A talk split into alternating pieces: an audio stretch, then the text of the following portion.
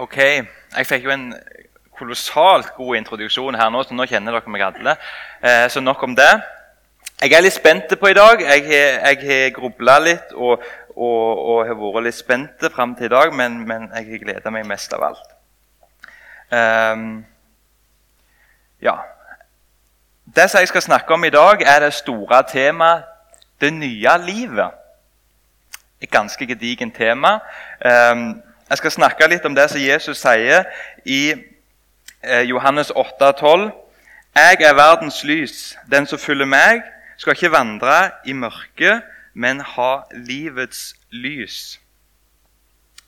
Jeg har lyst til å be litt før jeg setter i gang. Himmelske Far, takk at du er her. Takk at du har vært med meg når jeg har forberedt meg. Og takk at du har lagt dette på mitt hjerte. Og så ber jeg her om at du må tale nå i kveld. Jeg ber om at min agenda, mine formuleringer, mine tomme ord må falle hen. Og så må ditt ord få tale til oss alle i sammen nå i kveld. For din æres skyld og for ditt navns skyld. Amen. Ok, Siden jeg studerer på Fjellhaug, så begynner vi med litt dogmatikk.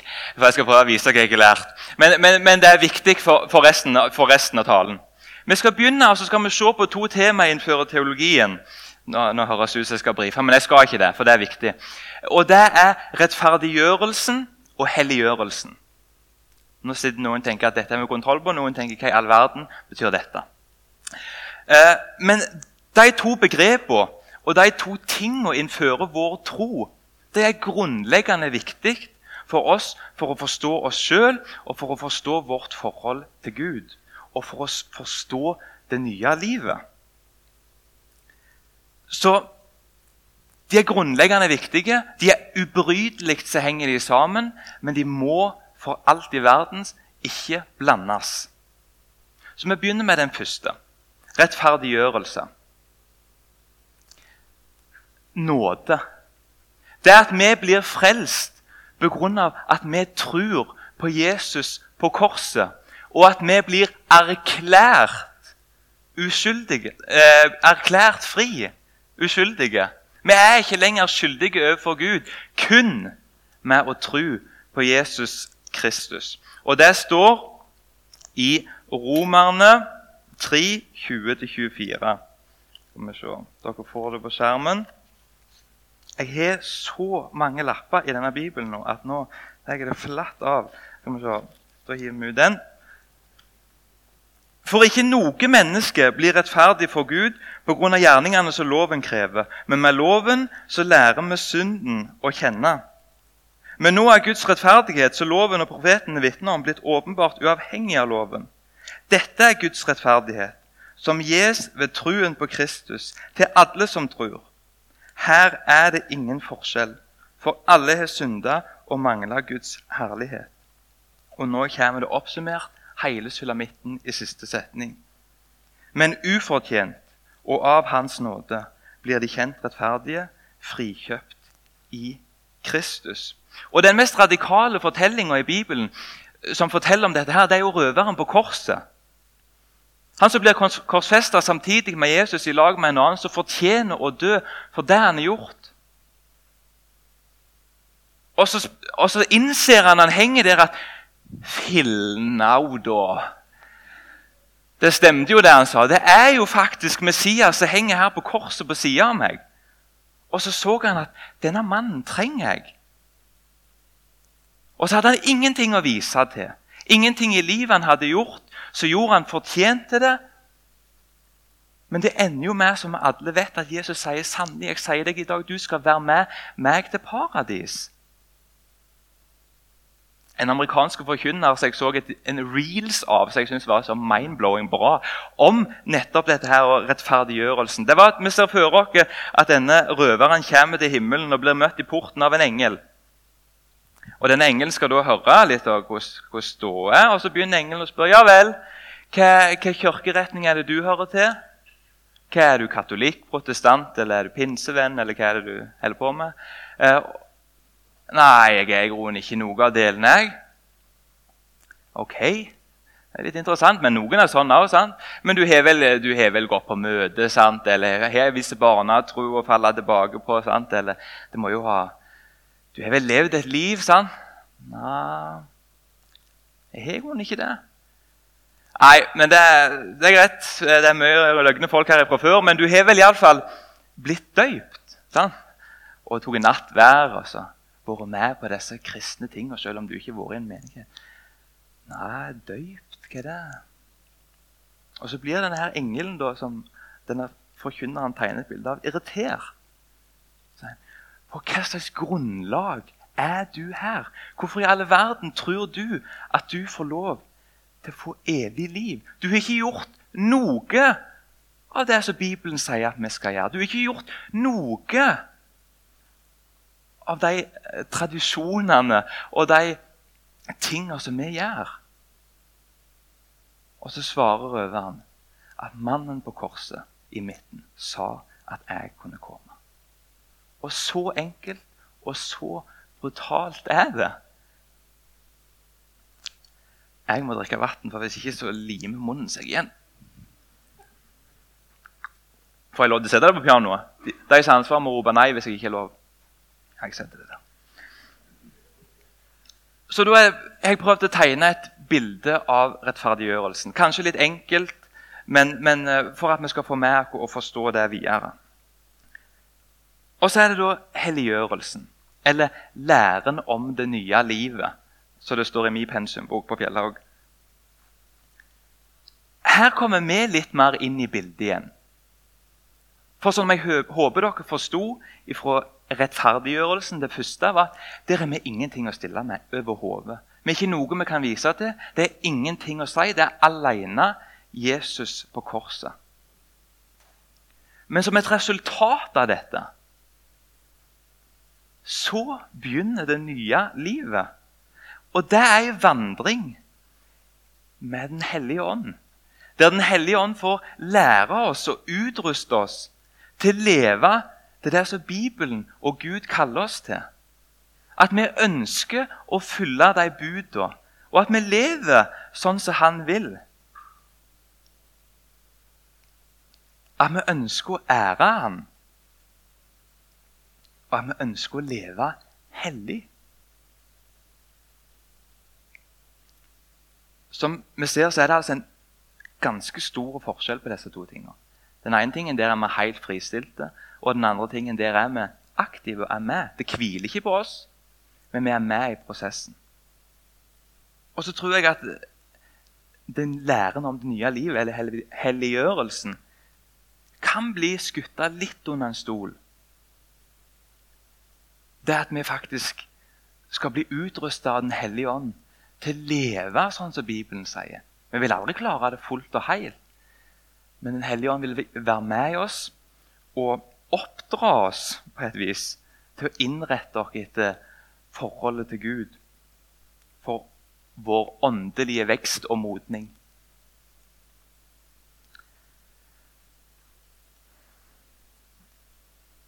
Grunnen til at jeg tegner disse to bildene, det er at vi skal snakke om det nye livet. Og da er det så uhyre viktig at vi bygger det på det første vi snakket om. At det ikke hviler noen ting på oss. At frelsen ikke er avhengig av meg og deg men at på dermed i det nye livet skal meg og deg være med. Og vi skal bli utrusta. Så vi kan se at rettferdiggjørelsen alltid er etterfulgt av helliggjørelsen. Så Nå skal vi snakke om synd. Nå skal jeg slutte å bruke så veldig mange vanskelige begrep. For jeg klarer det ikke sjøl engang. Eh, nå skal vi nå skal vi snakke om synd. Nå skal jeg være litt strenge, og så skal vi snakke litt om synd. Eh, og jeg grua meg og gleda meg, eh, men vi fyrer løs. Vi skal lese fra 1. Johannesbrev 1, 5-10. For dette er budskapet vi har hørt av Han og forkynner for dere. Gud er lys, og det fins ikke mørke i Han. Sier vi at vi er fellesskap med Han, men vandrer i mørket, da lyver vi, og vi følger ikke sannheten. Men hvis vi vandrer i lyset, sånn Han sjøl er lyset, da har vi fellesskap med hverandre. Og blodet fra Jesus, hans sønn, renser oss ifra all synd. Sier vi at vi ikke har synd, da bedrar vi oss sjøl, og sannheten den er ikke i oss. Men dersom vi bekjenner våre synder, så er Han trufast og rettferdig. Og Han tilgir oss syndene og renser oss fra all urett. Sier vi at vi ikke har synda, så gjør man til en løgner, og Hans ord er ikke i oss. Denne teksten forteller dere ganske brutalt og ærlig om synd. Og også at synd er en del av livet vårt, og det er en del av livet vårt med Jesus. At vi må ta avstand ifra det. Um, nå skal jeg begynne å tegne litt bilder her, så nå må jeg prøve å holde tunga beint i munnen, og dere òg prøver å holde tunga beint i munnen. Men tanken om synd, tanken om det som står i Romerne 6,23a, at syndens lønn er døden, det er for mange av oss som sitter her inne i dag, ikke en overraskende eller uvant tanke.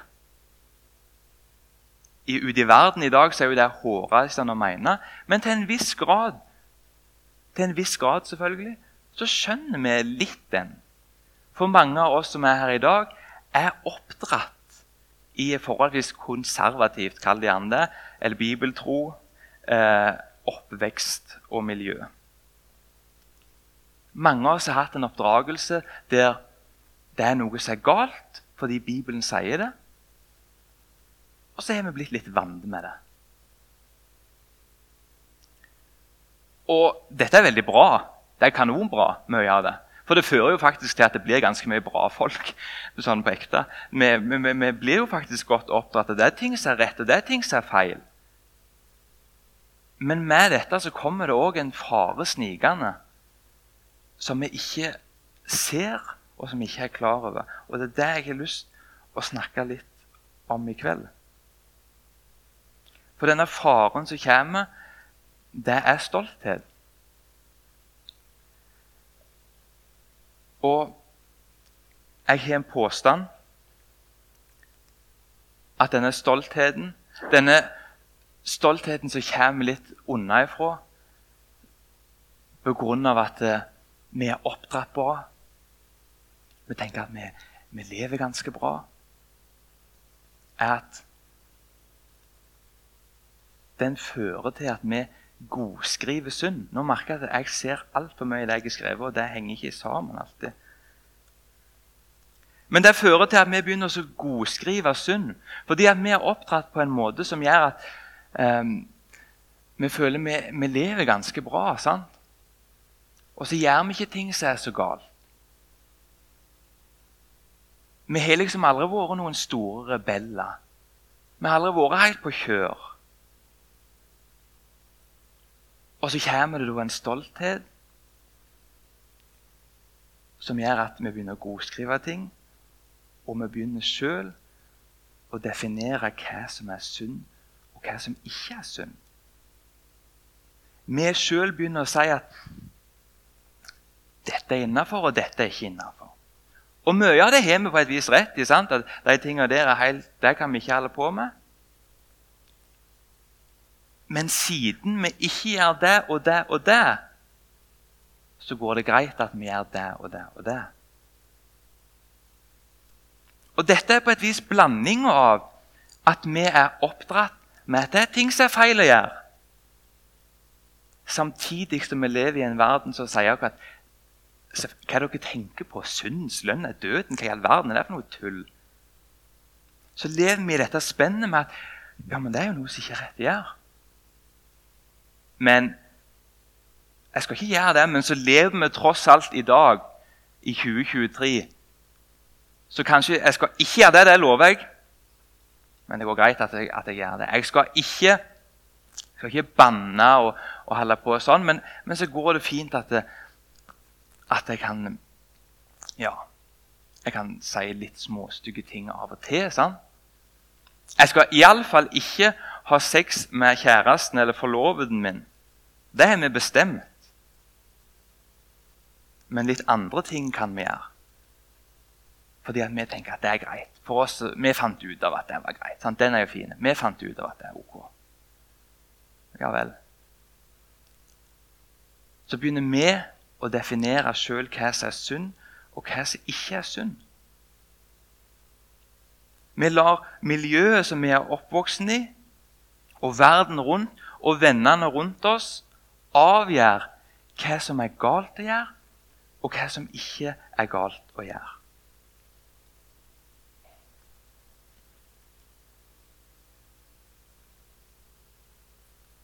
Og så er, ikke, er, det ikke bare de tingene vi faktisk gjør. Det er ikke bare de galne tingene vi faller i.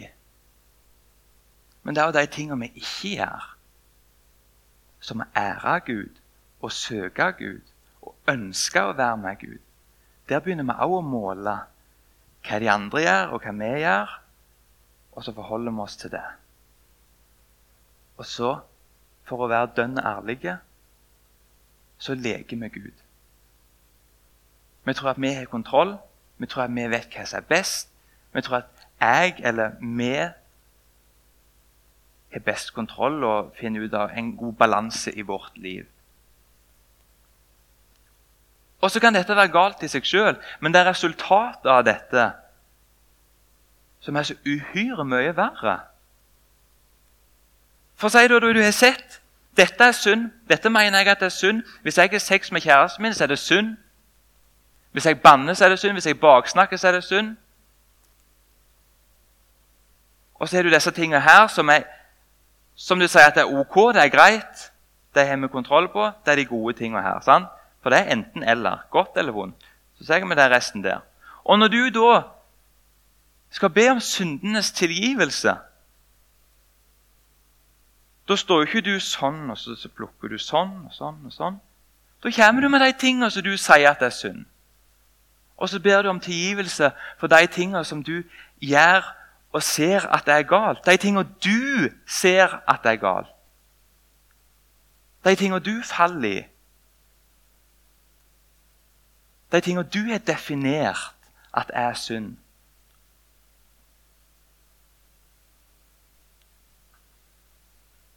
Og det fører jo til at de tingene som vi ofte plasserer borte her, det er jo de store tingene. De tingene vi sliter med. Og så er det ikke så mye det at vi faktisk ikke har nød for de som er ute i verden, som blir forfulgt for at de, ikke, nei, for at de kjenner Jesus. Denne lunkenheten og denne passivheten som vi alle er rammet av. Vi kommer ikke til Gud og sier 'Gud, tilgi meg'. For at jeg har lett for å sette meg ned med Netflix i seks timer, men å sette meg ned i ti minutter med ditt ord Vi kommer ikke med det til Gud. Vi kommer bare med 'OK, i dag, Gud, så sa jeg det. Det burde jeg ikke sagt. Jeg gjorde det. Det burde jeg ikke gjort.' Så blir det bare noe sånn helt overflatig synsbekjennelse. Er dere med meg på tanken? Vi kommer bare med de tingene vi sliter med. Vi kommer ikke med livet vårt. Og plutselig så mister vi på et vis litt behovet for tilgivelse. For det er bare disse her store, farlige tingene. Vi ser ikke at vi trenger det for hele oss. Og så rammer plutselig teksten ifra 1. Johannes oss. Der det står i vers 8 at vi bedrar oss sjøl. Vi lurer oss sjøl. Og Nå setter jeg ting veldig på spissen, så dere må være greie med meg, men jeg gjør det pga. jeg tror det ligger noe i det. Og så fører dette til at vi lever i synd. Uten at vi er klar over det. Begrunnet at vi leker Gud. Begrunnet at jeg Ole Andreas Aasbø, tenker det er greit, det er ikke greit. Gud, jeg kommer og ber om tilgivelse for de tingene som jeg mener ikke er greit.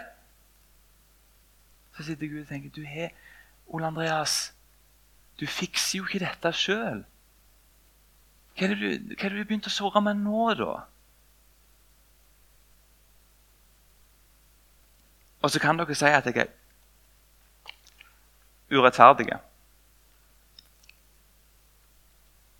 Ja, for det kan høres ganske urettferdig ut at, at jeg skal si at vi lever i synd.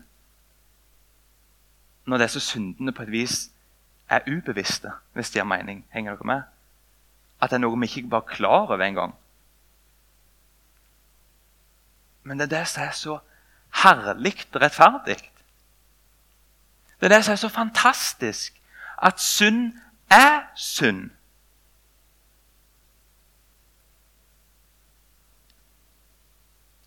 Og at vi trenger å leve ærlig med Gud. Vi må, vi må la Gud få lov til å være Gud. Og så må vi søke Han. Og så må Han få lov til å si hva ting i livet som ikke skal være der.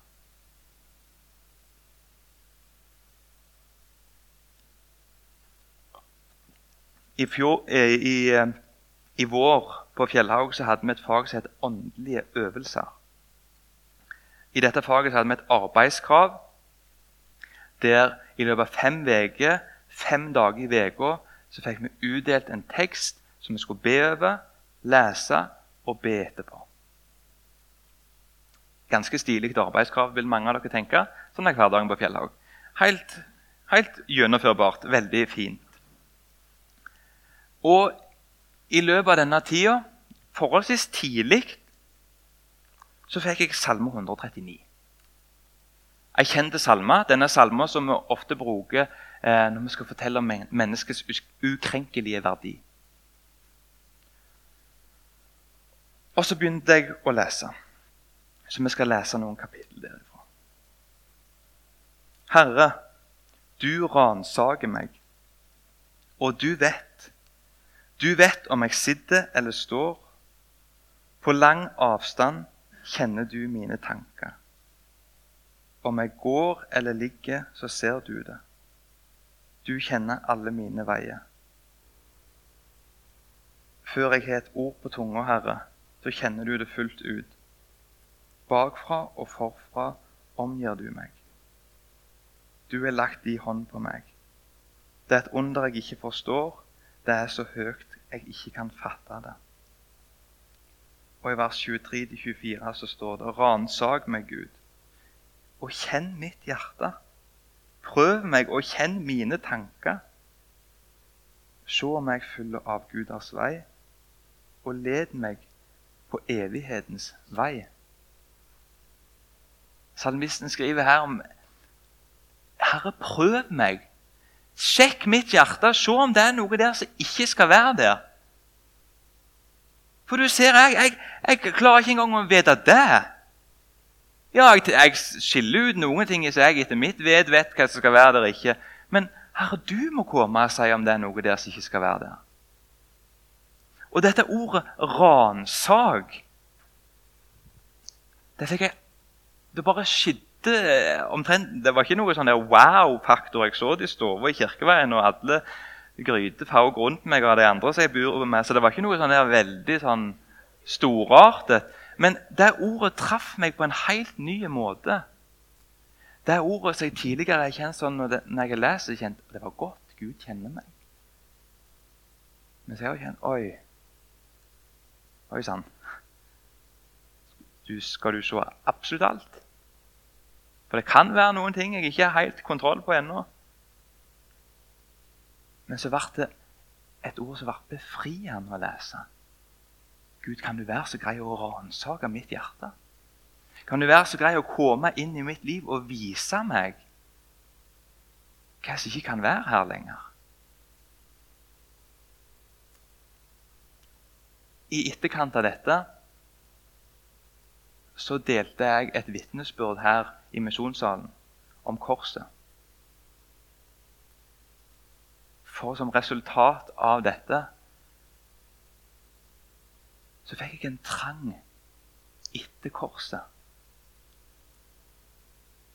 For jeg innså at jeg hadde bare sluppet inn korset i litt av mitt liv. Jeg hadde bare sluppet inn korset der jeg sjøl så at jeg trengte det. Og så så jeg at Jeg så ikke det da, at det var derfor jeg trengte det, men jeg, jeg fikk en inderlig trang etter Jeg ba i flere uker.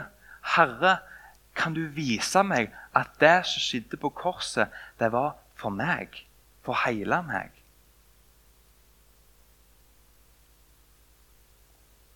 Jeg fikk en trang etter korset. Jeg så at jeg trengte korset. Dette var ikke noe pga. jeg fikk til noe. Det var simpelthen pga. Gud sa Ole Andreas, du trenger korset. Du trenger det for hele deg. Du må la meg få se hele deg. Du må slippe inn hele Slippe meg inn i hele deg.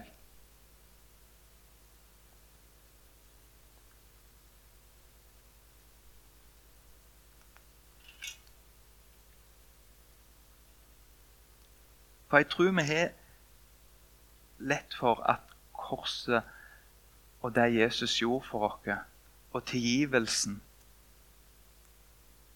blir veldig sånn når jeg gjør noe galt, når jeg faller. Men vi trenger det for måten vi lever på. Vi trenger det for at Jesus skal få lov til å være med oss i livet. For vi klarer ikke dette sjøl. Jeg merker at jeg snakker ganske mye fortere nå enn det jeg gjorde når jeg forberedte meg.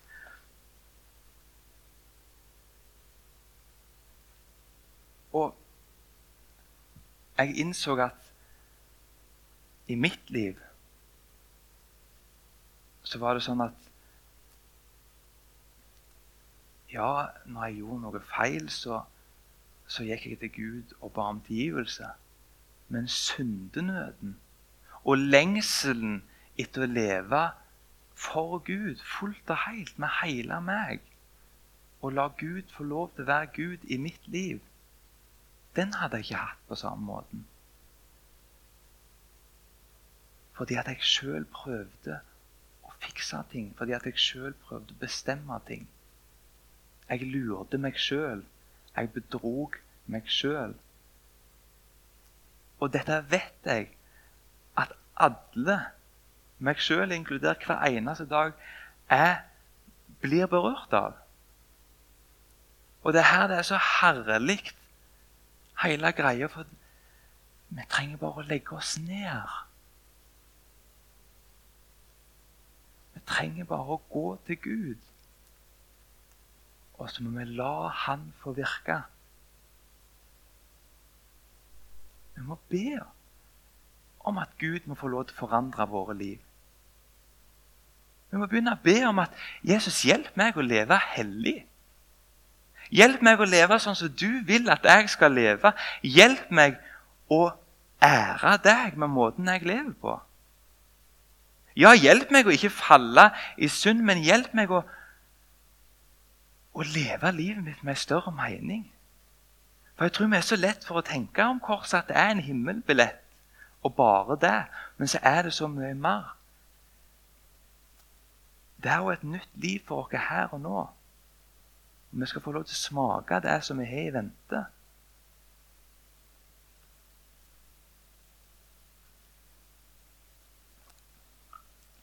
Jesus sier mange ganger i Bibelen 'Kom, følg meg'.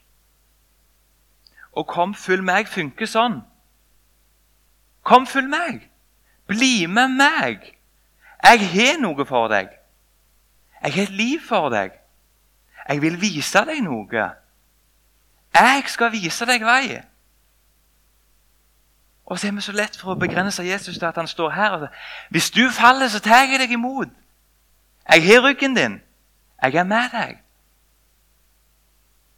Men han vil holde oss i hånda og så vil han si, 'Kom, følg meg.' For jeg har noe for deg. Ja, jeg har et evig liv der framme. Men jeg har noe for deg nå. Bli med.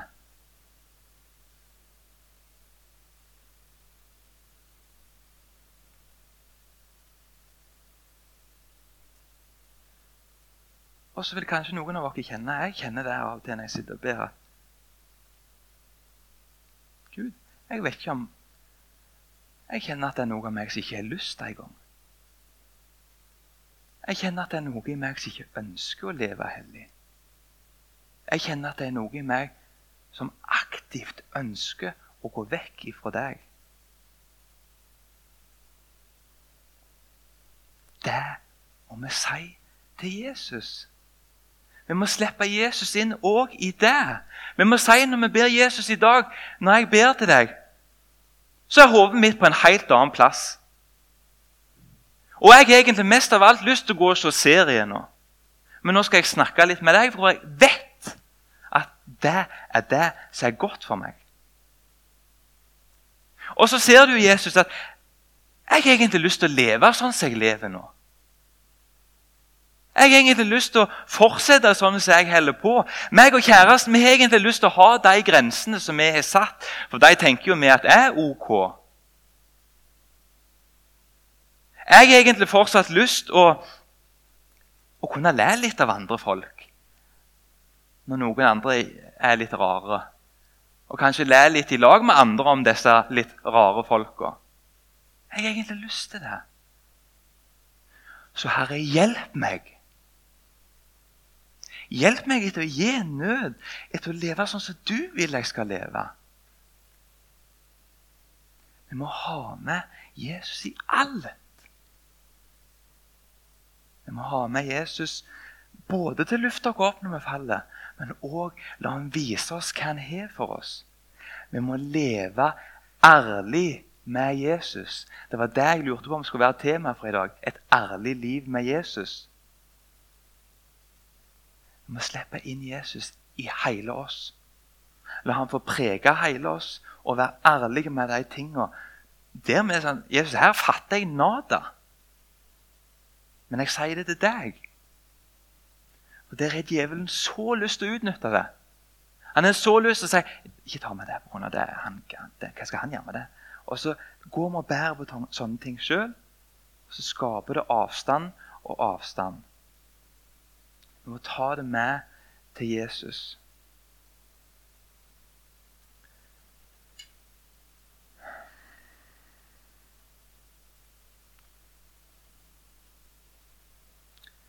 Nå etterpå så vil det være åpent for, for forbønn. Eh, og det oppfordrer jeg sterkt til å gå til. Ikke pga. at det skjer noe magisk når du går opp den trappa inn i den salen, men fordi at det er godt å sette ord på ting.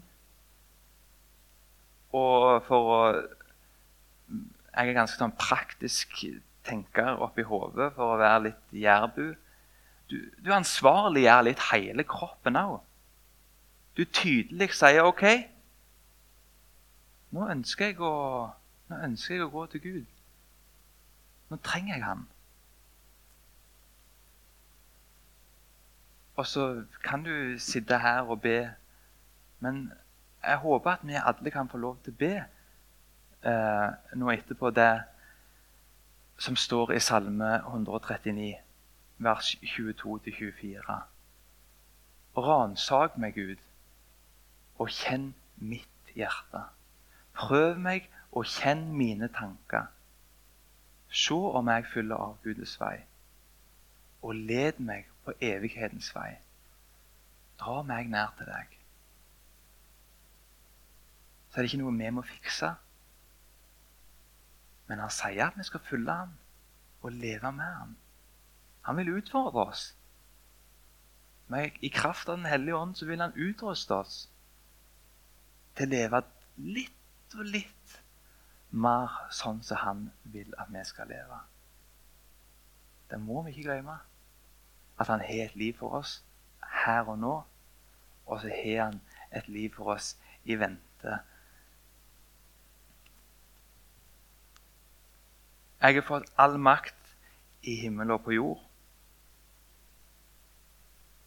Jeg har overvunnet synda. Jeg har vunnet over døden. Det er ikke noen ting, skal, nei, det er ikke noen ting som skal holde deg nede lenger. For det har jeg vunnet over.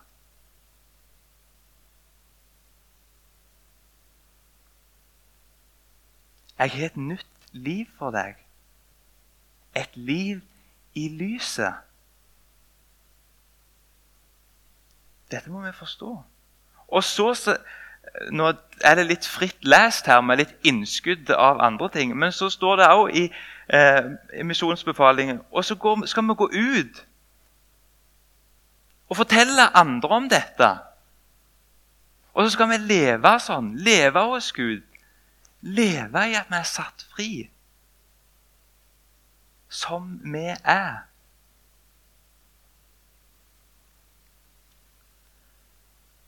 Og så skal dere døype dem til Faderens, Sønnen og Den hellige ånds navn. Og lær dem å holde alt jeg har befalt dere. Og se, jeg er med dere alle dager inntil verdens ende. Det er et godt løfte at han er med oss. Det ble litt mer rodig enn jeg hadde tenkt i dag. Og, jeg syns at det er vært litt rot i meg sjøl òg pga. dette. er noe som jeg ehm, Hjertet mitt er slått veldig hardt for. Og det er den enkle setningen at vi må begynne å leve dønn ærlig med Gud. Og vi må begynne å la Gud være Gud. Vi må ikke begynne å leke Gud sjøl.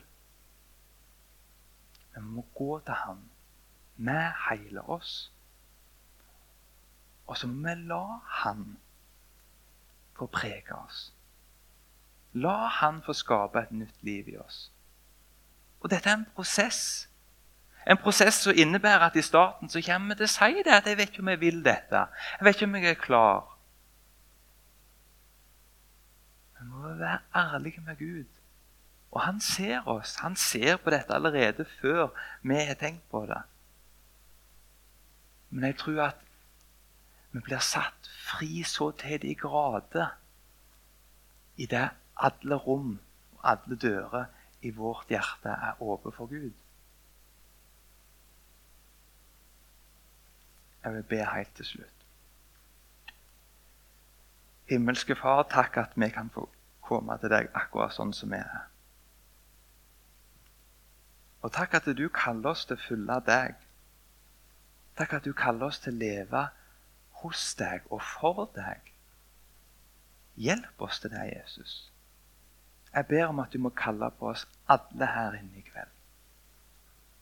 At vi må bli utfordra til å leve det livet som du har for oss. At vi må klare å legge ned oss sjøl. Legge ned de tankene og planene som vi har om hvordan ting funker, og hva som er best. Jeg ber om at vi må kunne være helt dønn ærlige med deg og se at vi trenger deg i hele livet vårt. Og så ber jeg her om at du må tenne en nød i oss. En syndenød. En nød for hvordan vi lever våre liv og en nød for verden som vi lever i. Herre, vekk oss opp. Vi er så lett for å famle i blinde i det som vi tror at det er sånn det skal være. At det er det som er best for oss. Men Herre, dra oss alle her nær til deg. I Jesu navn. Amen.